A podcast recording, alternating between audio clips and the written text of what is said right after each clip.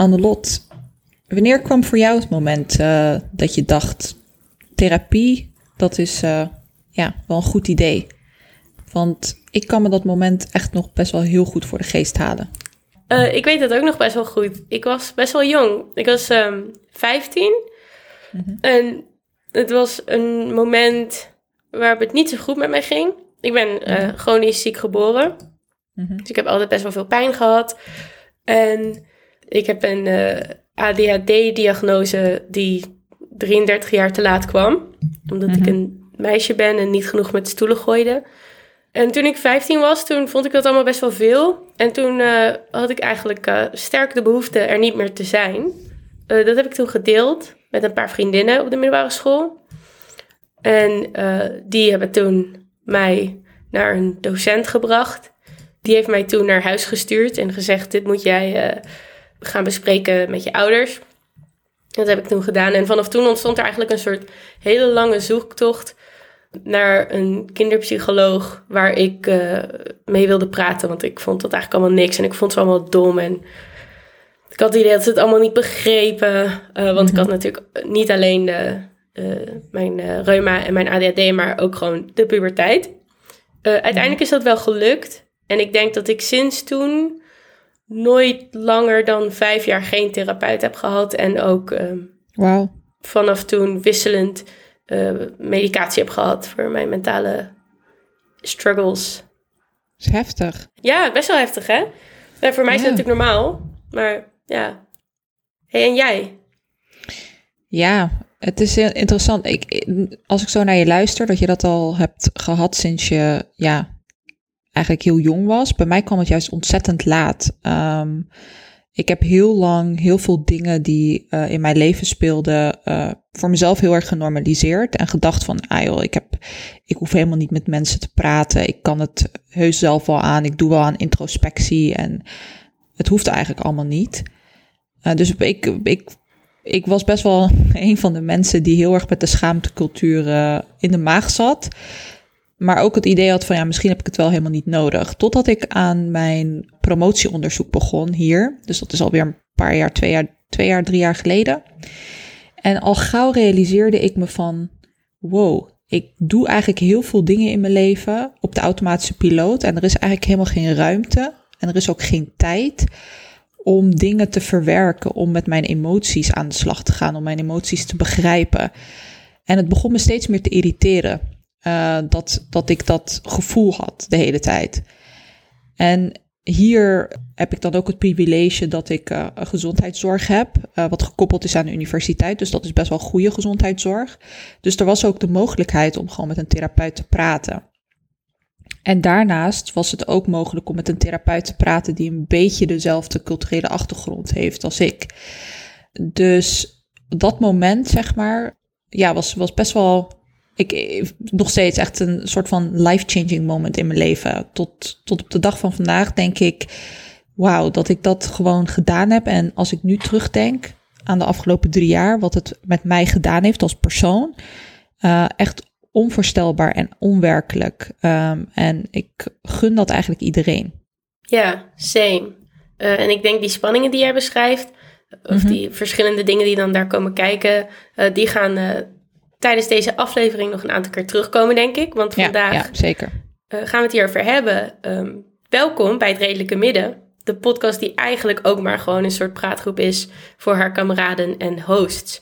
Dit seizoen halen we hardnekkige mythes aan in onze politiek of cultuur. We hebben het over mythes, populaire opvattingen, die zo hardnekkig zijn dat ze de linkse verbeeldingskracht verstikken. We ontmaskeren de onzin achter die mythes en bieden je een alternatief. En die nieuwe denkbeelden moeten we dan maar gewoon herhalen tot ze gemeengoed zijn geworden. We hebben er al een aantal voor je uiteengezet in de vorige afleveringen, een aantal van die mythes. We hopen dat je die nog steeds aan iedereen in je omgeving aan het verkondigen plant. Dus we kunnen een betere toekomst makkelijk betalen. Rutte 4 blijft een hartstikke rechtskabinet. Gelijke kansen, dat bestaat niet. Er is geen reden om rechts te zijn. En een focus op altijd maar willen groeien is onzin. De mythe van vandaag, van deze aflevering, dat is de mythe van het uitspreken, of eigenlijk wat psychoanalytici de talking cure noemen. Het idee dat ergens over praten altijd helpt. Is dat wel zo? Is het gesprek gaande houden niet vaak ook juist een manier om de status quo te behouden? En zijn psychotherapeuten wel woke genoeg om je te helpen bevrijden van de dingen waar je mee worstelt? Of zijn ze misschien agenten van de staat die jou in de eerste plaats als werker proberen te optimaliseren en in de tweede plaats dwingen een eindeloze neoliberale focus op je beste zelf te ervaren, die je alleen maar met heel hard werken en heel veel toewijding kan bereiken? Wie heeft daar eigenlijk wat aan? Ik ben Annelotte Prins en vandaag zit ik hier met Farah Bassi en wij gaan analyseren wat we precies bedoelen met de vraag: wil je erover praten? Ja, en ik denk Annelot, voordat we in het diepe springen, is het belangrijk om uh, ja, even iets te zeggen, een disclaimer. Uh, want dit is natuurlijk een ontzettend belangrijk onderwerp. Mentale gezondheid is iets wat we niet moeten onderschatten, niet moeten bagatelliseren. En een van de centrale ideeën uit deze aflevering is dat um, we het juist steeds meer bespreekbaar moeten maken, maar dat we ook steeds meer moeten nadenken over of we dat wel op verantwoorde manier doen en wat onze verantwoordelijkheid is. En daarmee wil ik dus eigenlijk zeggen, wij zijn geen experts. Zowel ik niet als Annelot niet. Uh, dus wat wij in deze aflevering zeggen, heeft vooral betrekking op de kritiek die wij hebben op, over de manier waarop er over mentale gezondheid gesproken wordt.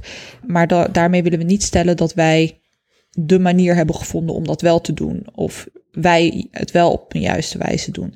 Dus dat wilden wij eventjes aan het begin van de aflevering duidelijk maken aan de luisteraar.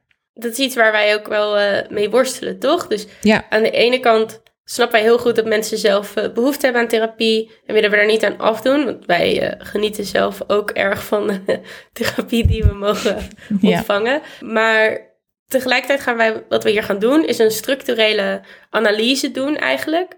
Uh, dus we gaan kijken naar het grotere geheel en op zoek naar eigenlijk de, het politieke, de politieke betekenissen van therapiecultuur. Mm -hmm. En dat zijn dus dat zijn dingen, ja, die staan voor ons in een soort spanning. Want ja, wij vinden de wachttijden in de zorg natuurlijk onacceptabel en schrijnend. En tegelijkertijd willen we ook kritisch kijken naar hoe therapie eigenlijk werkt en functioneert en wat het politiek eigenlijk precies doet of juist niet doet. Daar hoort ook even een content warning bij, die je hopelijk al hebt gelezen in de omschrijving als je nog luistert. Uh, we gaan het hebben over mentale worstelingen. Mocht je daar geen zin in hebben, sla de aflevering lekker over. Ja, Voordat we uh, gaan praten aan het lot, wil ik eerst tegen onze luisteraars zeggen: je kunt ons ook sponsoren, uh, zodat wij dit seizoen het beste kunnen maken wat we ooit gemaakt hebben voor, voor het redelijke midden. En jullie geld gaat uh, voornamelijk naar ons onderhoud. En als je ons daarbij wilt helpen, surf dan naar petje.af en slash het redelijke midden. En voor maar 3 euro per maand krijg je al toegang tot onze bonusafleveringen. Bijvoorbeeld de twee die uh, we deze maand hebben geüpload. Eentje over Oekraïne en eentje over Volt.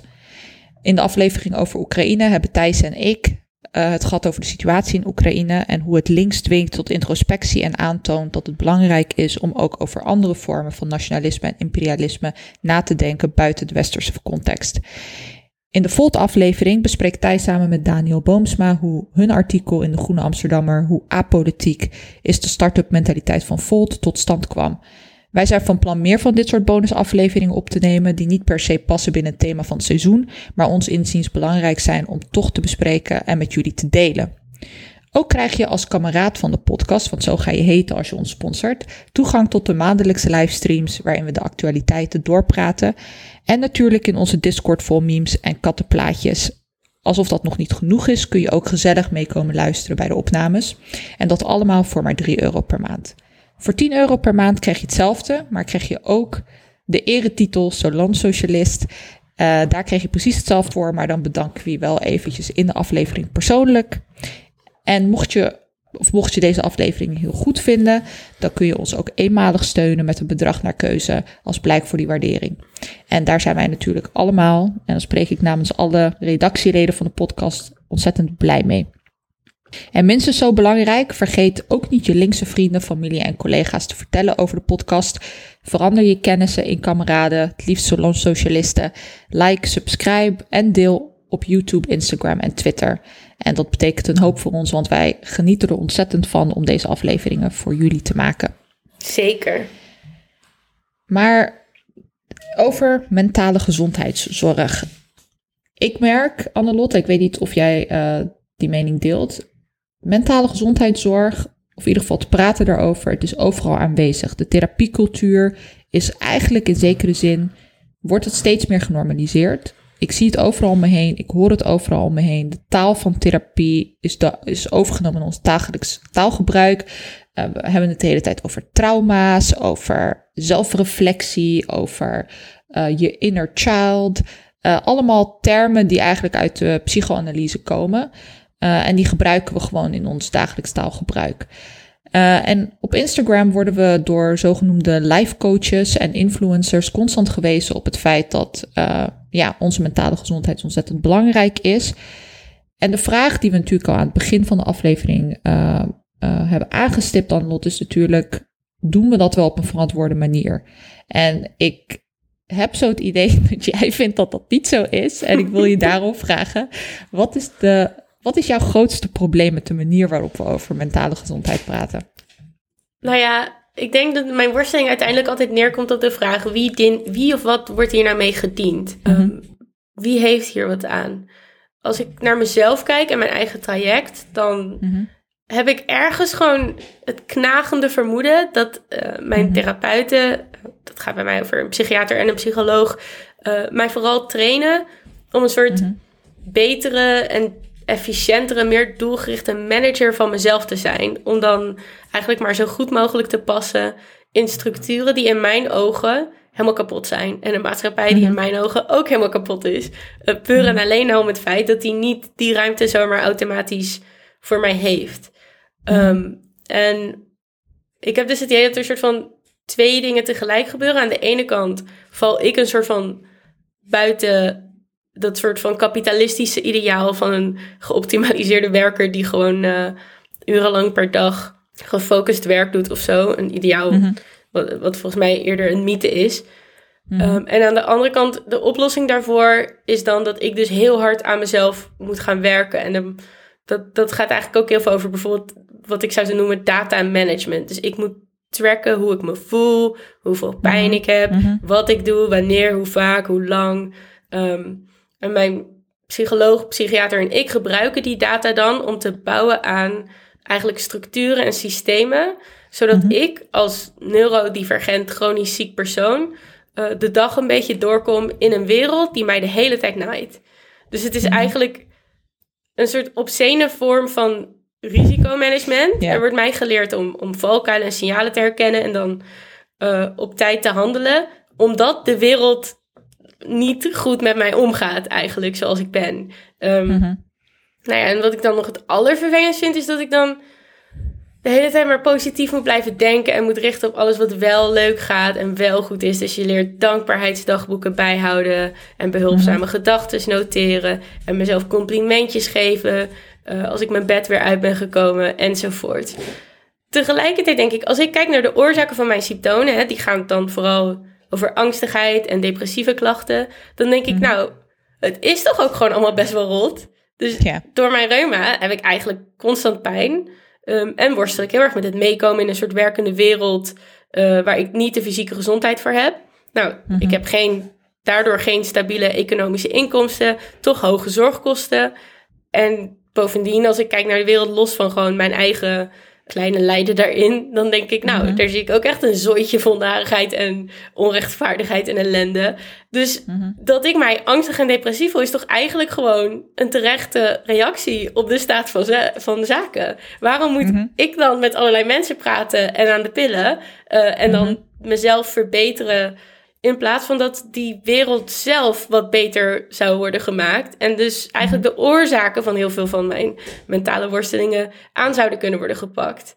Op een bepaalde manier heb ik dus het gevoel dat mijn therapie bijdraagt aan een soort van ervoor zorgen dat ik minder stress heb en minder verdrietig ben over bijvoorbeeld het niet zo goed kunnen dragen van mijn eigen zorgkosten.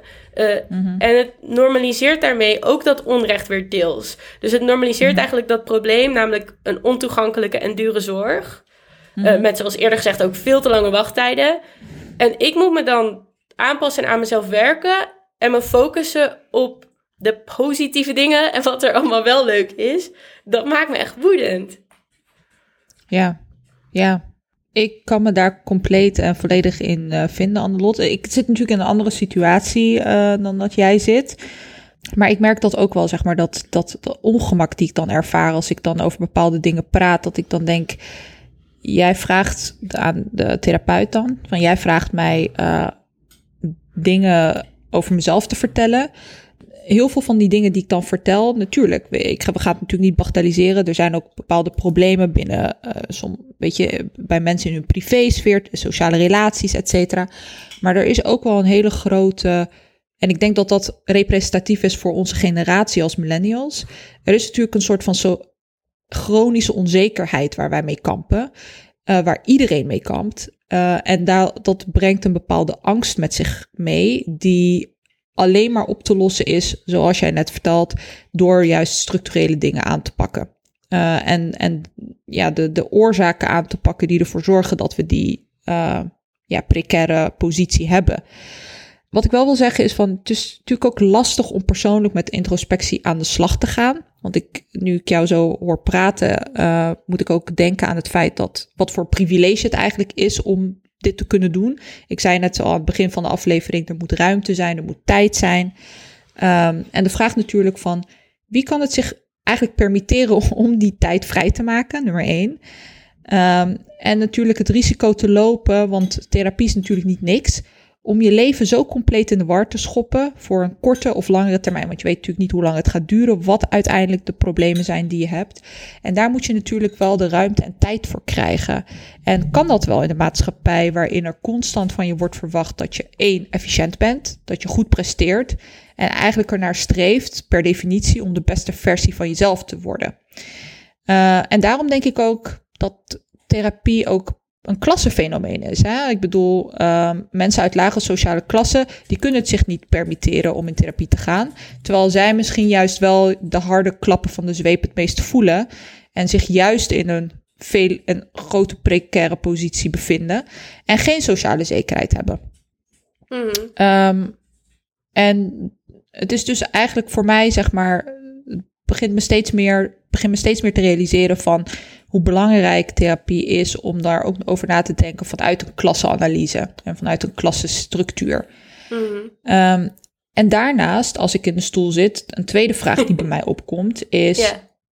er is natuurlijk ook een bepaalde norm. Hè? Als, als ik met de therapeut praat, de therapeut heeft in zijn haar hoofd het idee van: um, jij moet je op een bepaalde manier je moet op een bepaalde manier kunnen functioneren. En sommige dingen zijn goed en sommige dingen zijn niet goed. Er is een bepaalde een normatief een normatief beeld wat er heerst uh, wanneer het gaat over therapie. Ja. En soms als ik in die stoel zit, dan vraag ik mezelf af. En dan, ik merk soms dat ik dan vanuit vooral cultureel oogpunt worstel met de manier waarop er over therapie gesproken wordt. De constante focus bijvoorbeeld op het individu zorgt ervoor dat er best wel weinig oog is, vind ik, voor mensen uit culturen die juist wel collectivistisch denken um, of willen denken. En ik denk soms, uh, wanneer ik mensen hoor praten over, socia gezonde sociale verhoudingen, dat dit vooral relaties zijn die binnen een witte westerse context passen. En begrijp me niet verkeerd. Ik wil hierbij wel zeggen van, ik vind het natuurlijk geen probleem als er mensen zijn met een niet-westerse achtergrond die ervoor kiezen om dat te omarmen. Uh, maar ik zou zo graag willen dat er meer respect is en wat meer ruimte is mm. om op een andere manier over die sociale verhoudingen te praten. Uh, en dat we ook sensitief of gevoelig worden voor het feit dat, dat het ook een cultureel fenomeen is. Dus het is zowel voor mijn klassenfenomeen als een cultureel fenomeen. En ik denk dat, dat die twee dingen benoemen uh, heel belangrijk is om na te denken over betere manieren om uh, therapie te faciliteren voor mensen uit een niet-westerse achtergrond bijvoorbeeld.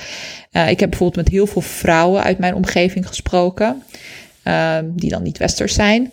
Uh, die heel graag in therapie willen, omdat ze heel erg worstelen met zichzelf, maar wel het idee hebben van ja, maar als ik daar ga zitten in die stoel tegenover een therapeut, dan kan het zo zijn dat die therapeut eigenlijk helemaal niet begrijpt wat ik wil zeggen en wat ik bedoel, mm. en me juist gaat veroordelen of beoordelen. Eh, dus dat het ook een soort van superioriteitsgevoel uh, van, weet je, witte Nederlanders in de hand werkt, omdat mensen zich dan juist zien als Weet je, zijn wij dan problematisch? Zijn onze sociale relaties fout of uh, ondergeschikt? En um, ja, dat soort vragen denk ik, uh, ik zou zo graag willen dat daar wat meer aandacht voor is. Ja, ja ik herken dat wel. En het doet me een beetje denken aan. Uh, ik woon natuurlijk in Berlijn. Mm En hier um, is er, goddank, een heel groot aanbod in uh, queertherapeuten. En mm dat is ook iets waarvan ik denk. Voor mij uh, voelt dat een soort van niet hetzelfde, maar vergelijkbaar in de zin van. Ik weet niet of iemand die diep geïnvesteerd is in heteroseksualiteit, ja. helemaal snapt hoe ik in uh, mijn genderidentiteit en seksuele identiteit sta. Um, mm-hmm. Net zoals ik ja, eigenlijk toch niet zo graag uh, met een man wil praten, bijvoorbeeld. Uh, mm-hmm. Praat ik ook het liefst met iemand die queer is. Ja, dat snap ik. Omdat ik toch denk, ook als ik dan relatieproblemen deel of iets, dat er dan ja, meer uh, ruimte voor is. Maar ik vind het wel heel interessant dat jij specifiek uh, het hebt over vrouwen die dus dat graag mhm. willen. Ik mhm. heb het idee dat therapie sowieso ook vaak wel een beetje neer wordt gezet als een vrouwending. Mm Ik sprak ooit een psycholoog die zei tegen mij: als er een man bij mij komt, dan komt hij vooral om te klagen over zijn moeder, vrouw of andere invloeden van buitenaf die zijn leven moeilijk maken. En dan komt hij maximaal vijf keer en dan zie ik hem nooit meer. Als er een vrouw bij mij langskomt, dan blijft ze jaren plakken om zichzelf maar weer nog beter te maken en harder aan zichzelf te werken. En alles wat mis is met haar in haar eigen ogen aan te kunnen pakken. Ehm, en ik moest er zo om lachen toen en ik dacht, wat is dit nou? Hoe kan dat? wat is dit voor verhaal? Nee, het is best wel herkenbaar. Als ik zo nadenk over uh, gesprekken die ik uh, heb met mensen in mijn eigen omgeving. Ja, ik denk dat, dat er ook wel. Ja, dus wat meer intros. Eh, ik moet, nu, ik moet nu denken aan een gesprek wat ik dus pas geleden had met uh, een mannelijke vriend. We hadden het over therapie. En um, hij, dus man, uh, zei dat hij wel eens uh, in therapie is geweest. Uh, omdat hij vond dat er vandaag de dag zoveel van mannen zoals hij verwacht wordt in de samenleving. En daar was er best wel kritisch over. Dus hij, had, hij zei van niet vanuit, het, niet vanuit het idee van, oh, er wordt zoveel van ons verwacht, we zijn slachtoffer. Maar vanuit het idee van, we zijn misschien als man het meeste slachtoffer van het patriarchaat zelf. En dat het patriarchaat heel veel van, uh, van de man verwacht. En dat hij, en dat constateerde uh, dat het mannen eigenlijk wilt ontdoen van hun zogenoemde vrouwelijke kenmerken.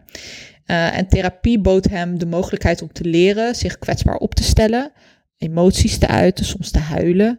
Um, liever voor zichzelf te zijn, zorgzamer voor zichzelf te zijn en voor de anderen om zich heen. En wat ik interessant vond, is dat hij deze kenmerken associeerde met, het zijn van, met het zijn van een vrouw. En toen dacht ik, maar als ik soms over mijn eigen onzekerheden praat en zwakheden met andere mensen, Um, dan krijg ik vaak het advies dat verbeterpunten bijvoorbeeld zijn. Um, dat ik weerbaarder moet worden, dat ik uh, me minder, minder moet aantrekken van wat anderen van me vinden, sterker in mijn schoenen moet staan en een natuurlijk zelfvertrouwen moet ontwikkelen.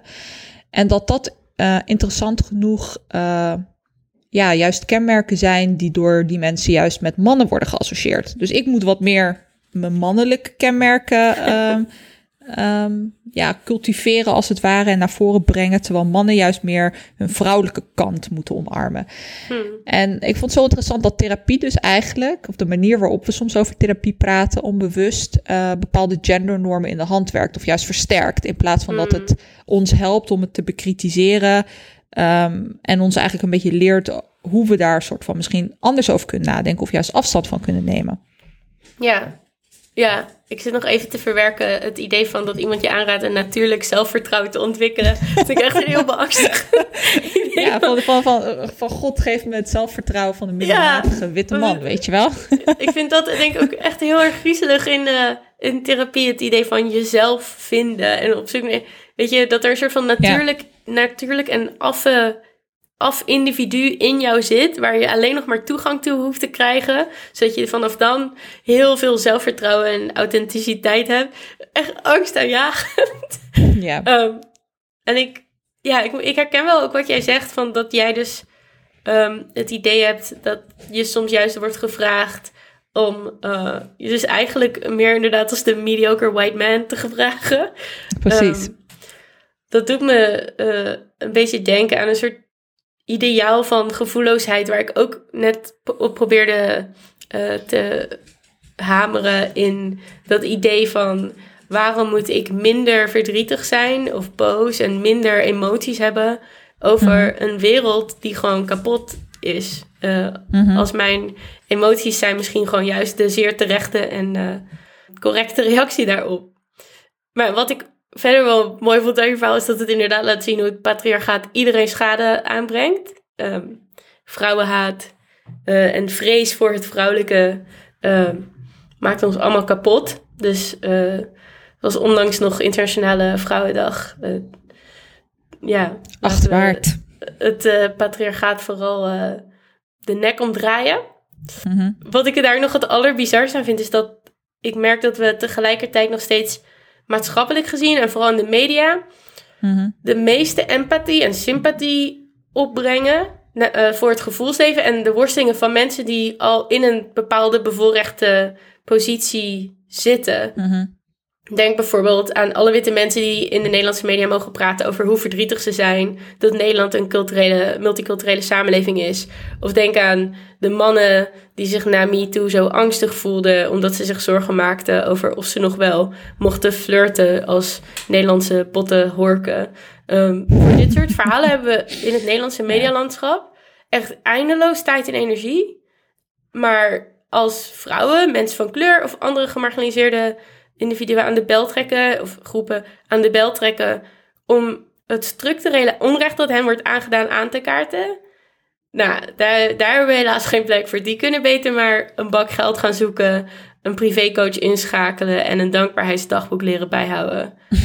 dat, dat slaat toch nergens op? Ja, het slaat nergens op. Het is zo oneerlijk verdeeld. Um, ja, het is ja. heel oneerlijk verdeeld. Ik denk ook, weet je, het, het, het privilege om, om, om slachtoffer te zijn. Weet je wel? En wat, Ja. en dat, dat, dat, ik, ja, ik vind dat een heel belangrijk punt wat je daar maakt.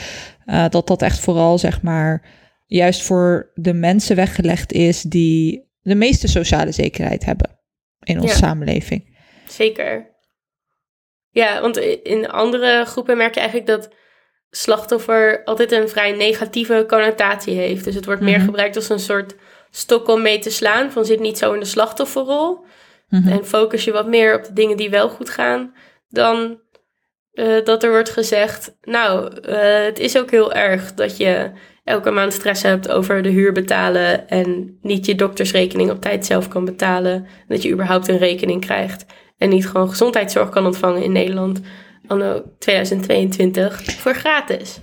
Ik weet niet, Lot, of jij je dat nog herinnert, maar ik weet nog bijvoorbeeld dat toen, eh, ehm, want zeg maar als we bijvoorbeeld nadenken over hoe pa- mentale gezondheid genormaliseerd wordt aan de ene kant, maar ook zeg maar de taal van mentale gezondheid steeds meer mainstream wordt, dat ik ook dan denk aan wanneer bijvoorbeeld een vrouw van kleur of iemand van kleur uh, of iemand die niet wit hetero is en man in de media iets deelt wat en zich kwetsbaar opstelt, dat ze dan gelijk krijgen te horen van oh ja, maar zou je dan niet met een therapeut praten of zou je dan niet aan jezelf moeten werken? Weet je, en dat dat dan Ja. heel erg geïndividualiseerd wordt, weet je wel, die ervaring. Ja, Terwijl, terwijl er zoveel, zoals jij zegt, zegt weet je, in, in de media en in de ja, popcultuur zoveel ruimte is voor, uh, zeg maar, mensen die, die de norm zijn, als het ware, Mm. om al hun emoties en de verschillende facetten van hun emoties uiteen te zetten en te belichten en te verwerken als collectief. Um, ja, dat is best wel een hele trieste constatering. Ja, zeker. Uh, ik schrijf natuurlijk over popcultuur. En ik ben nu aan het werken aan een hoofdstuk um, over het MeToo-moment. En uh, de zangeres mm -hmm. Kesha, die mm -hmm. um, ten eerste uh, probeerde een contract te laten ontbinden... omdat uh, haar producer haar seksueel misbruikt had. Die rechtszaak verloor ze in de Supreme Court... omdat de Supreme Court van New York zei... uh, dat de commerciële interests te zwaar wogen. En dat ze het contract wilden voor laten bestaan in de huidige vorm. Ze gaf haar dan wel de handreiking dat ze niet meer in, hetzelfde, in dezelfde ruimte hoefde te zitten als haar misbruiker.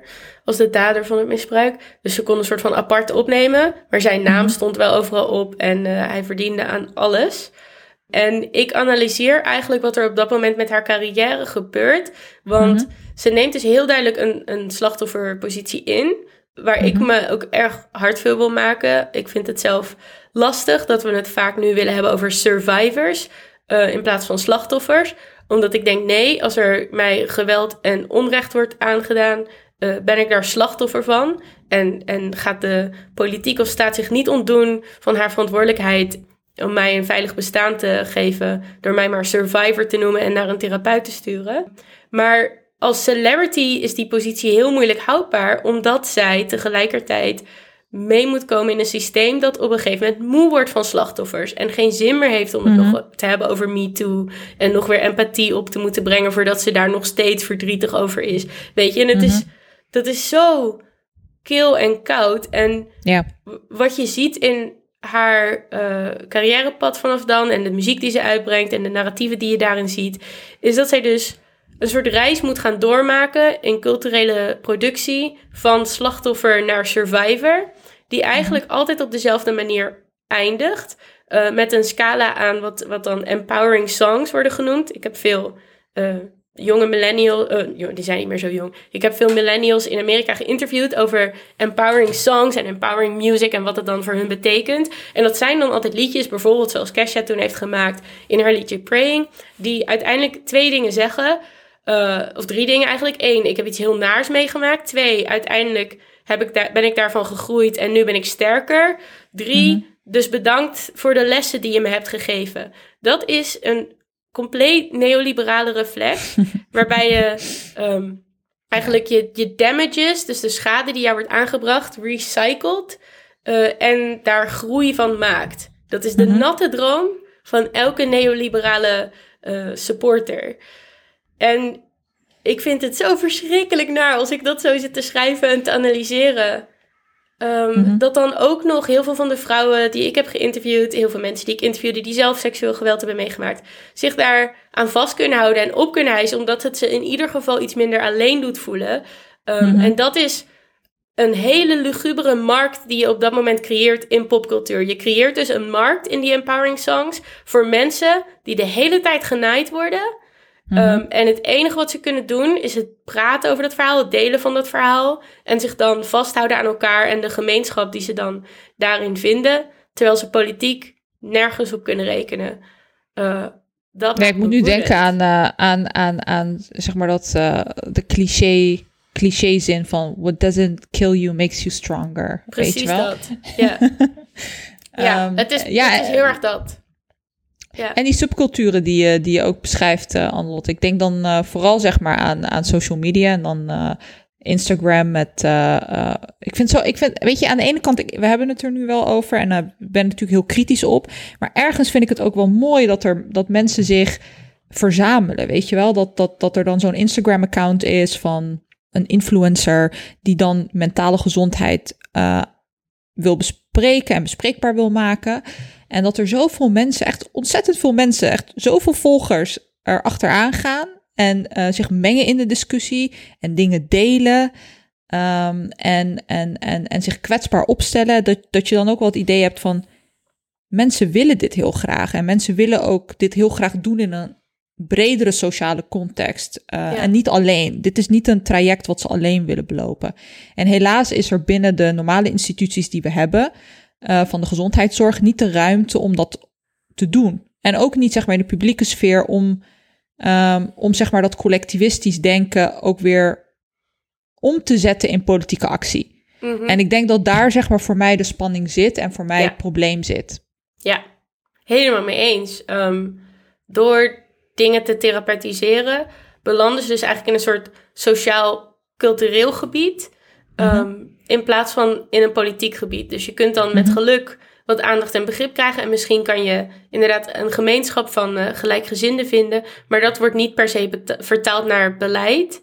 En heeft geen ehm, materiële consequenties. En je, je, je krijgt dan dus in ieder geval, zo- zoals wat ik net noem over die popcultuur. En eh, social media zijn hier denk ik onder, ook een onderdeel van. Want die eh, verdienen ook geld aan de kliks en de eyeballs. Eh, die zij wel Mhm. of niet krijgen. Er is dus een enorm grote markt op dit moment voor mensen die mentaal worstelen door een Mhm. veelheid aan redenen. ehm, die, eh, ik, ik denk ook dat door wange, lange wachttijden nu in de zorg mensen Mhm. misschien alleen nog maar de Instagram-accounts hebben. Er is iets zo verschrikkelijk verdrietig aan het falen van de politiek hier.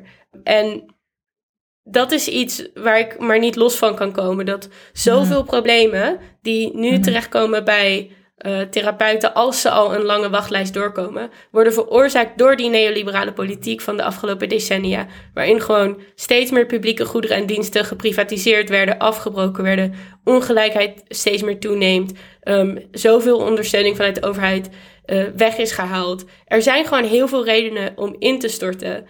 Mhm. En het meest slopend zijn dan nog wel echt in mijn ogen, ik kan er niet over ophouden, maar die neoliberale mantra's van je moet je beste zelf zijn, live your best life, weet je, verbeter Ja. jezelf, werk aan jezelf, groei, eh, je moet vooruitkomen, je moet gewoon harder werken, je door te zetten, meer doorzetten, meer hart voor de zaak hebben, eh, passie voelen voor alles wat je doet en jezelf trots maken door eigenlijk dus in die hele kille, koude, nare, competitieve samenleving ehm, op je eigen kracht je hoofd boven water te houden. En dat zijn Mhm. dus van die mantra's die de hele tijd van jou eisen dat jij elke dag opnieuw aan jezelf en de wereld bewijst dat jouw bestaan de moeite waard is.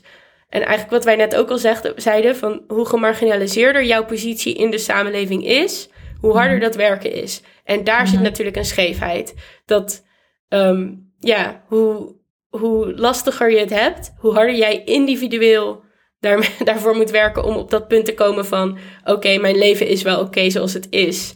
Nou ja, daar kun je lang of kort over praten.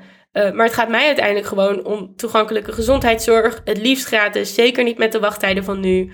Adequate volkshuisvesting. En gewoon gulle uitkeringen waar mensen zonder stress mee rond kunnen komen. Ja, ja dat, dat, ik denk dat als we eh, die kant op zouden kunnen gaan, dan dat dat heel veel eh, problemen eh, van mensen opgelost kunnen worden. Want er is natuurlijk wel één ding wat we, wat we niet aangestipt hebben in de aflevering, maar wel belangrijk is om te benoemen. Van mentale gezondheid is natuurlijk een heel groot en breed spectrum. En eh, de problemen die mensen ervaren, ehm, ja, die kunnen, die zijn soms zeg maar de oorzaak van echt biologische processen. Hè, zoals dat bepaalde dingen natuurlijk gewoon erfelijk zijn, waar je natuurlijk niet omheen kunt.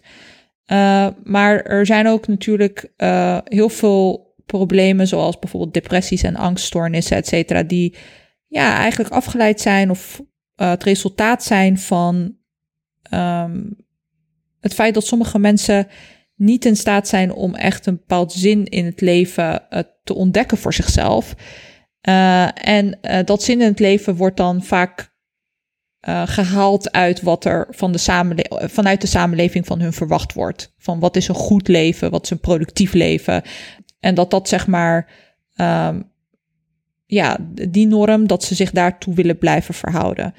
Uh, dus dat wilde ik ook nog wel even zeggen. Van, het is natuurlijk een, uh, weet je, er zijn natuurlijk wel mentale gezondheidsklachten die niet per definitie sociaal zijn. Uh, maar een heel groot deel daarvan is wel sociaal. En ik denk dat met dit soort uh, de dingen die jij net opzomde, dat, dat je daar al best wel een groot verschil kunt maken binnen, binnen mentale gezondheidszorg. Ja, um, en wat jij ja. net zegt ook over die normen en uh, het ideeën rond het goede leven. We hadden het hier mm -hmm. al even over uh, rondom deze uitzending samen. Dat wij hopen daar ook nog wel wat mythes aan te kunnen ontkrachten uh, dit komende mm -hmm. seizoen. Van hoe ja, een goed zeker. leven er dan uitziet. Uit zou moeten zien, ja. Ja, toch? Um, ja, zeker. Ja, ja, ik uh, moet zeggen, ik ben gewoon zo moe van dat positief maar moeten denken over dingen die gewoon uitzichtloos zijn. Ik zou zeggen, ik ben dat positief denken als individuele taak meer dan zat. Ik hoef hem niet meer. Ik wil het nu hebben over politieke actie als morele plicht. Uh, dus vraagt iemand jou nou of je er misschien over wilt praten, zeg ze dan dat je liever samen de revolutie op poten zou gaan zetten. Nou, Lot, ik denk dat we, uh, ja, dat we daarmee, uh, ja, dat dat eigenlijk een beetje de crux is. Van, het, het gaat er niet eigenlijk om hoe je het als individu alleen ervaart. Dat is natuurlijk wel belangrijk, want, want mm -hmm. we hebben natuurlijk deze hele aflevering nu gehad over, uh, um, ja, onze kritiek op de manier van praten over therapie. Maar ik wil toch wel onderstrepen aan het einde van deze aflevering hoe belangrijk therapie eigenlijk voor ons is geweest. Ehm, en ik wil de reden waarom ik eigenlijk in therapie ging, zoals ik aan het begin van de aflevering zei, is omdat ik bepaalde emoties beter wilde begrijpen. Ik wilde mezelf beter begrijpen, en ik wilde, maar ik wilde vooral met mezelf aan de slag. En dat wilde ik niet uh, alleen omdat ik uh, aan introspectie wil doen.